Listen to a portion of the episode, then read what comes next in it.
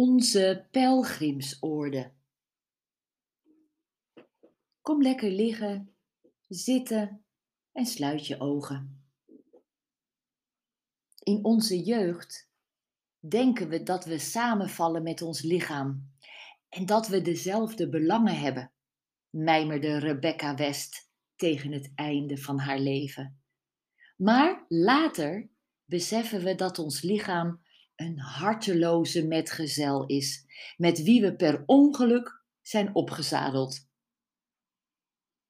Als ons lichaam in opstand komt, zich onbarmhartig en minder meegaand gedraagt naarmate de ouderdom ons uitblust en de schoonheid verdwijnt, wie heeft wie dan in de steek gelaten?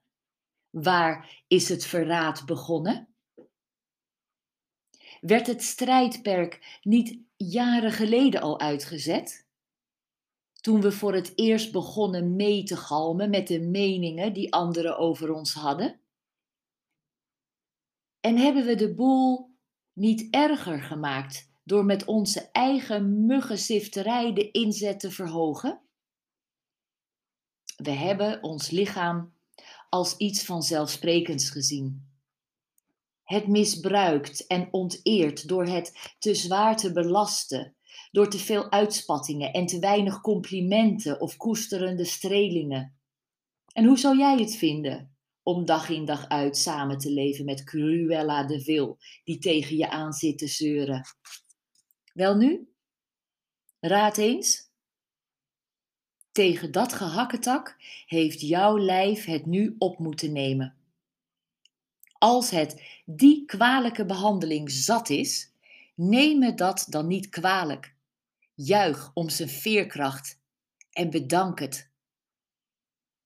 Er moet één wezen, lichaam, geest of ziel, voor jou in het geweer komen als je wilt overleven. Merkwaardig, maar ook betreurenswaardig genoeg, is dat nu juist wat er aan de hand is als iemand ernstig ziek wordt. Je lichaam zegt dat het tijd is voor een spirituele time-out, totdat je je anders kunt opstellen en daarmee je leven redt. Als je niet het lichaam hebt waar je dol op bent, wees dan dol op het lichaam dat je hebt. En begin daar vandaag mee. Het lichaam is verstandiger dan degene die het bewoont. Het lichaam is de ziel. Wij negeren de pijntjes, de kwalen, de uitbarstingen omdat we bang zijn voor de waarheid. Het lichaam is een boodschapper van God. En het wordt tijd dat we een wapenstilstand afkondigen tegenover onze onvolmaaktheden het artillerievuur neerleggen dat we op onszelf gericht houden. De drankjes, devote gebeden en dodelijke diëten, de cosmetische kunstgrepen en de extreme maar gemeengoed geworden correcties. Ik wil niet de indruk wekken dat er op weg naar authenticiteit geen ruimte is voor haarverf, make-up en wat cosmetisch knip- en plakwerk.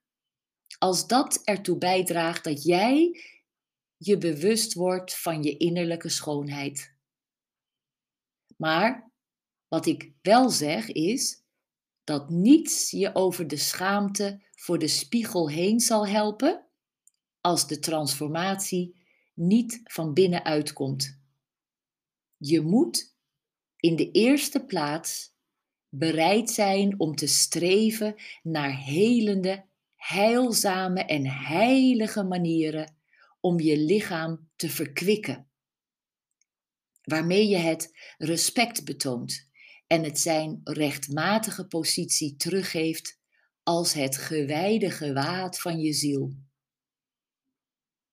We moeten het lichaam fysiek, emotioneel en spiritueel voeden, houdt Carol Hornig ons voor. We zijn in deze samenleving uitgehongerd. En niet van te weinig eten, maar van te weinig voeding. een van de waarheden die ik door het pad van rijkdom in eenvoud ontdekte, is dat het onmogelijk is om te streven naar authenticiteit, om een spiritueel pad te bewandelen, zonder dat dat aan de buitenkant weerspiegeld wordt. Een gnostisch axioma houdt ons voor: zo binnen, zo buiten. De tijd die je doorbrengt met mediteren en ontspannen is wel besteed. Het geeft je meer rust en dat is aan je gezicht te zien. Een wandeling van een half uur om de dag maakt je fitter en energieker en je merkt dat je minder neerslachtig wordt. Je bent ineens minder gespannen en men vindt het leuk om bij je in de buurt te zijn. Je lacht misschien zelfs wel hardop. Je vangt een glimp op van je spiegelbeeld en bent aangenaam verrast. Wie is die mooie meid? vraag jij je af. Rosalind Russell zei het al. Van het leven genieten is de beste cosmetica voor een vrouw. thank you.